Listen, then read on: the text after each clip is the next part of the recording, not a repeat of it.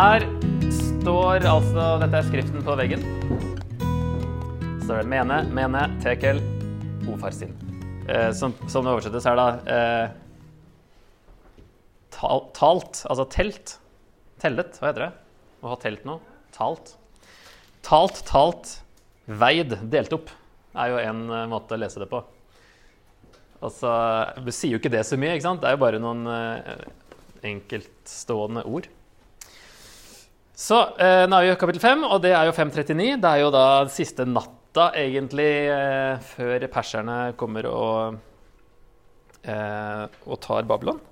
Her eh, Rembrandt tror jeg har malt han har malt at det, skrever nedover. Og da blir det på en måte en sånn eh, eh, slags sånn gåte. At du ikke vet hvilken vei du skal lese engang. Altså fra høyre nedover. Og da gir det ingen mening. Det er sånn han tolka det. da, At det er derfor de ikke skjønner hva som skjer her. Men det står ikke noe om hvilken retning det ble skrevet på. Men altså Belshazzar, han har jo vært innom før. Han er sønn av eh, Nabonidus. Han var mulig sønnesønn av Nebukadnesar. For det er litt, jeg vet ikke helt hva som har skjedd i mellomrommet der, men at, han kalles, at Nebukadnesar kalles hans far, er jo fordi de begge er eh, Så han er konstituert konge, i hvert fall. Når, egentlig faren hans er konge, men han eh, er ti år, ti år borte. Um, det var det man tenkte denne Namonidus' bønn altså ville liksom fylle der i gapet når han er uh, ute i eksil og holder på med andre ting i ti år. Men så stemmer ikke det helt med at det sto det var sju år osv. Okay. Men han regjerte som konge ca. 553. Det er bare noen år etter da, at Nabonidus ble konge. Mens han da var i Arabia, han faren. Historikerne Herodot og Xenofon, altså greske historikere, beskriver det samme som Daniel her. Babylonerne lo av den persiske beleiringen fordi de lenge hadde forventet et angrep og hadde ordnet seg store reservelagre. Så her er liksom Kyros og perserne har omringa byen, og Belshazzar han bare har fest og kunne ikke brydd seg mindre. Litt sånn ovenpå. Um, og vi bruker gjenstander da, som er tatt fra Herrens tempel. Det er jo det som nevnes i 1.2. Å oh, nei! Bad news. For det står i, i vers 1-2.: Herren overga judakongen Joakim i hans hender, altså Nebukadnesars hender, sammen med noe av utstyret fra Guds hus.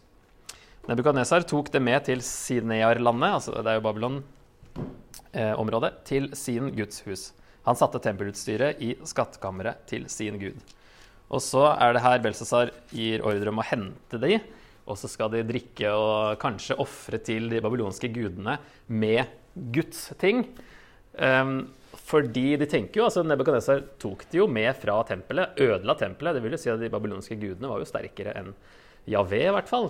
Og så var de kanskje så sikre på at de ville bli redda fra det persiske angrepet av de sterke babylonske gudene, så de ofra kanskje litt til dem her.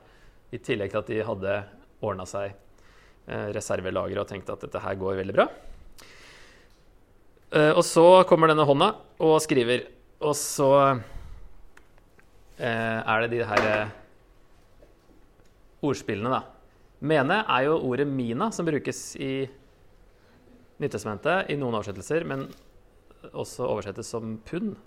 Så i lignelsen om pundene så er det minar de får. Det er ca. 50 sjekel, og en sjekel det er det samme som en tekel. sånn at en eh, Så her er det både en vekt vekt og på å si, pengeord. Og, og så betyr det talt, altså telt. Jeg klarer ikke å si talt om fortid for å telle, men eh, det er det som står her i Bibelen. Um, og så betyr også, Ordet tekel betyr også veiet. Så det er det han, eh, Daniel forklarer det som. Talt, veiet og delt. Um, parsin, altså det er en O, da den får tatt bort den der O-parsin. Det står O-farsin. FOP er det samme, så det er ikke så viktig, det. Men O-en er bare en og. Så selve ordet er parsin, og det er flertall av peres, som eh, er det som nevnes i vers 28 her, som betyr delt opp. Og så da man, Skal man dele opp minaene? da? Skal man dele opp uh, sjekelene? Eller er det også et ordspill på Persia, som er paras? Ikke sant? Inni ordet der. Her er det tre lag med ordspill. Så man kan jo tenke det sånn som eh, Ja, ta den her, da. Talt, talt, veid, delt opp er jo sånn eh, Daniel forklarer det. Og så kan man liksom oversette det med hektogram, hektogram, gram et halvt gram.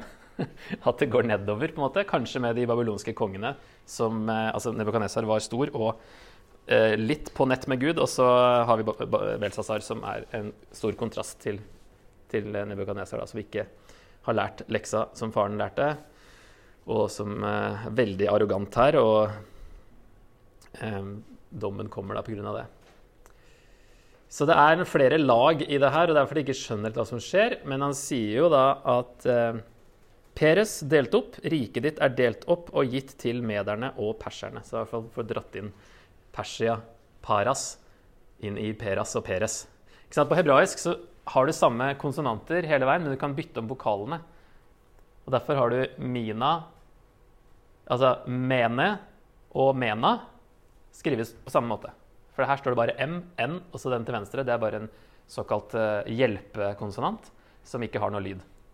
Men du må ha noen sånne innimellom for at du, uh, for at du skal ja, De fleste har liksom tre konsonanter i stammen, da. Så både mene og, og mena kan du lese i den første. Tekel og tekal kan du lese i den andre. Og så kan du lese peres, peras og paras i den siste. sånn at du får mange lag ved å bare bytte litt på vokalene. Og så har du sånne ordspill. Sånn er det veldig vanlig da, um, å holde på i Bibelen. å lage sånne ordspill, eller avlede ord som har samme stamme.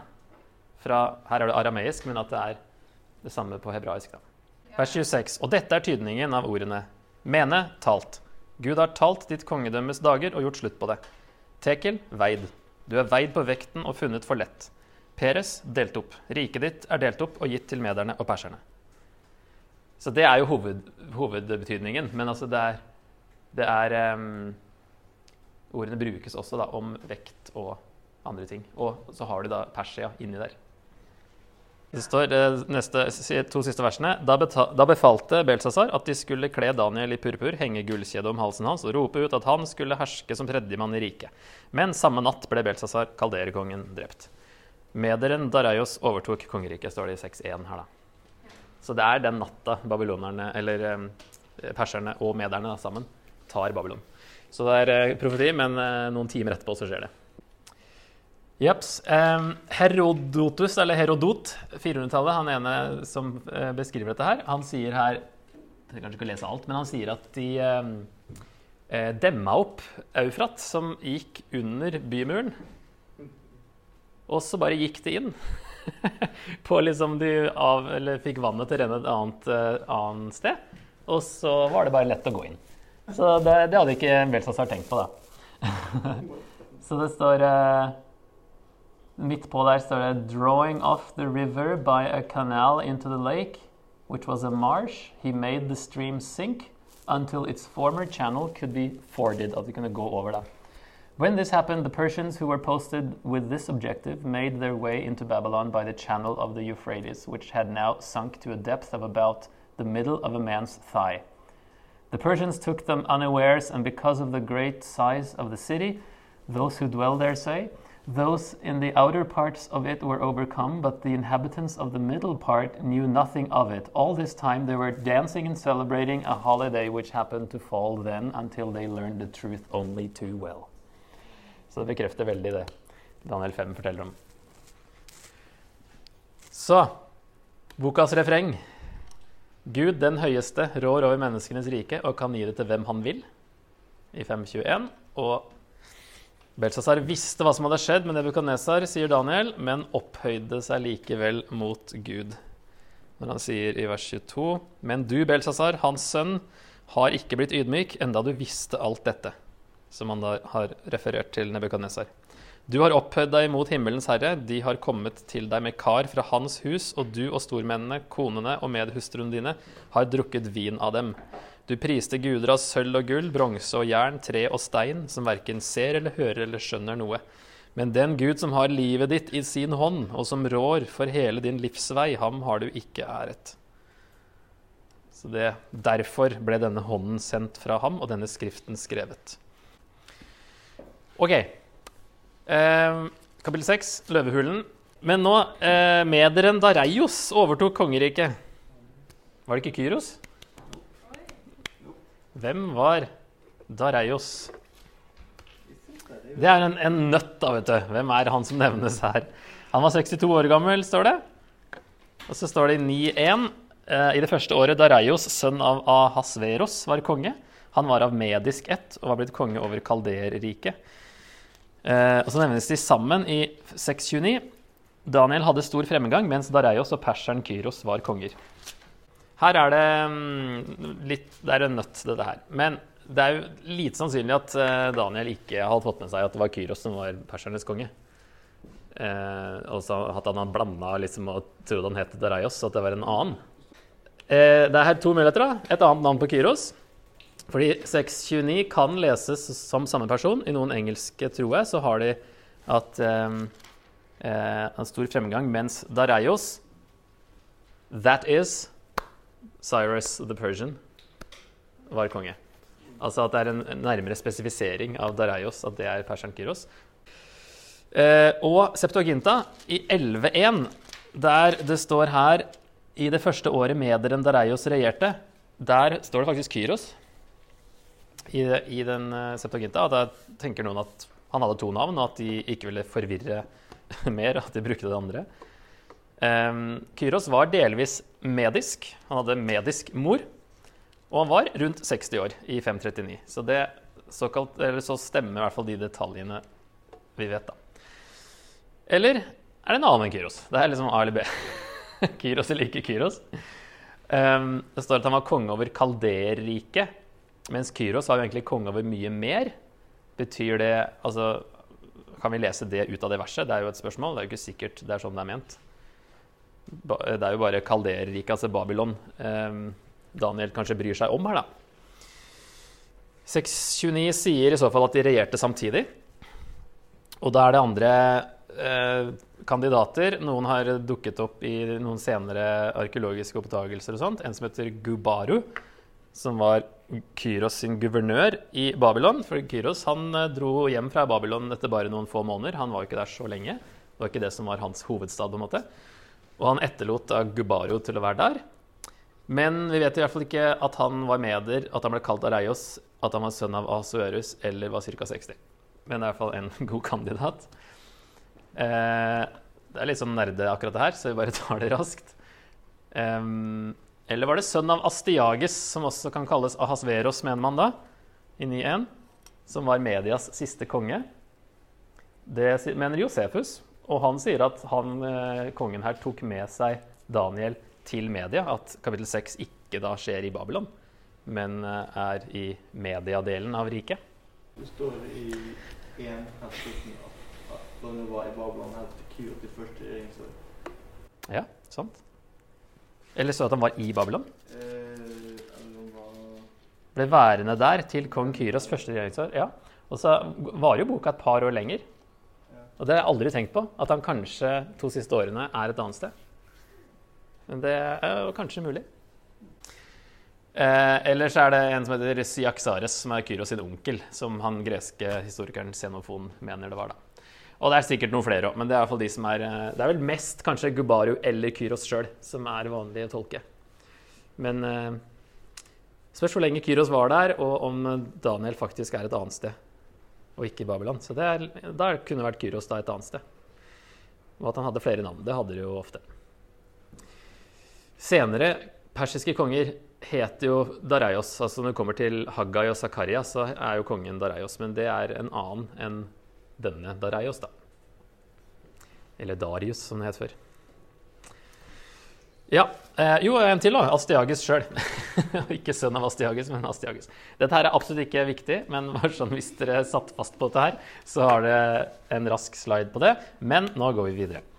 Eh, kapittel 6 er 539 eh, fortsatt, virker det som. Det skjer liksom rett i fortsettelse av kapittel 5. Daniel er nå 81 år, da, som sagt. Eh, gammel mann i løvehulen. Eh, nytt rike, samme utfordringer. Nå er det da plutselig ikke lov å be til noen andre enn til kongen. Og det er jo et scheme som de setter opp, de her andre ministrene og guvernørene og satrapene og rådsherrene og stattholderne som rotter seg sammen mot Daniel. Um, for det var en usedvanlig ånd i ham, og kongen tenkte på å sette ham over hele riket. Det ble det litt misunnelig, da, eller et eller annet sånt. Eller det betydde at de, at de ikke fikk sjansen, eller de Vet ikke helt hva det hadde å si for dem, men i hvert fall så går de alle sammen for å sette en stopper for det. Og her er det jo da problemet som de her møter, de her som skal prøve å finne og ta Daniel på, det er at det er så vers 5, Da prøvde ministrene og satrapene å finne noe å anklage Daniel for i hans embetsførsel. I jobben, da. Men de klarte ikke å finne noe å anklage ham for, eller noe galt å si om ham. For han var pålitelig, og de fant verken forsømmelse eller feil hos ham. Da sa mennene vi finner ikke noe å anklage denne Daniel for, hvis vi da ikke finner noe hos ham som angår hans religion. Så han var pålitelig, gjør jobben sin supert. De må gå til troen for å finne noe å utsette på ham. Og så, så snart Daniel får vite at her, altså de har lurt kongen til å skrive, lage denne loven, og så er det ikke mulig å trekke den tilbake etter medernes og persernes lov. Um, uforanderlige lov. Så snart Daniel fikk vite at skrivet var satt opp, gikk han hjem. I takkammeret hadde han åpne vinduer som vendte mot Jerusalem. Tre ganger om dagen falt han på kne for sin Gud med bønn og lovprisning, for slik hadde han alltid gjort. Det første han gjør, er å gå hjem og be. Når han vet at det her går ikke. Og så bare Nei, men nå er det tid for å be, og det skal jeg gjøre. så han bryr seg ikke. Tenker kanskje at eh, nå er jeg for gammel til å, Jeg, å si, Jeg gidder ikke gjøre noe annet nå. Holdt det gående så lenge. Og uh, dette har vært gjennom før. Selv om han tjener kongen så godt han kan, så vil han aldri tilbe han. Der går en tydelig grense. Og så er jo kongen helt ute av seg egentlig når han skjønner at han har blitt lurt. Um, fra vers 15 Da kongen hørte det, gjorde det ham svært ondt. Og han bestemte seg for å berge Daniel. Helt til solnedgang gjorde han hva han kunne for å redde ham. Og jeg jo stormer ut på morgenen for å se åssen det har gått, osv. Hvorfor skulle kongen bry seg om én jøde som skulle i løvehulen? Fordi Daniel var godt likt, en mann med integritet som ikke gjorde noe galt. Han var bare et, en god person og var godt likt av begge disse kongene. Ikke av de her satrapene og ministrene, men de har en egen agenda. Men i hvert fall av, av kongene så var han veldig godt likt. Refrenget finner vi her òg. I vers 27 Hans kongerike går ikke til grunne, hans velde er uten ende. Og nå er det han Dareios som sier det. Så det, de skjønner det, de òg, at her er Daniels gud. Det er han som Han har et eget rike. Og det er han som bestemmer over verdens riker. Hvordan leve som borger av Guds rike ut fra Daniel 6? Følg Jesus og Daniel i å være plettfri og ha integritet i alt. Og integritet kan vi definere som hva du gjør når ingen ser deg. Gjør jobben din så godt du kan. Få dem til å måtte se på troen din for å få noe på deg. Det snakker både Jesus og Peter om at eh, hvis du lider for noe du har gjort gærent, så er det ikke noe synd på deg. Men hvis du lider fordi du er en kristen, da skal du hoppe av fryd.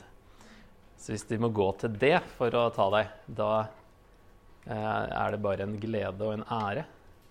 Hva ville de funnet hvis de undersøkte ditt liv?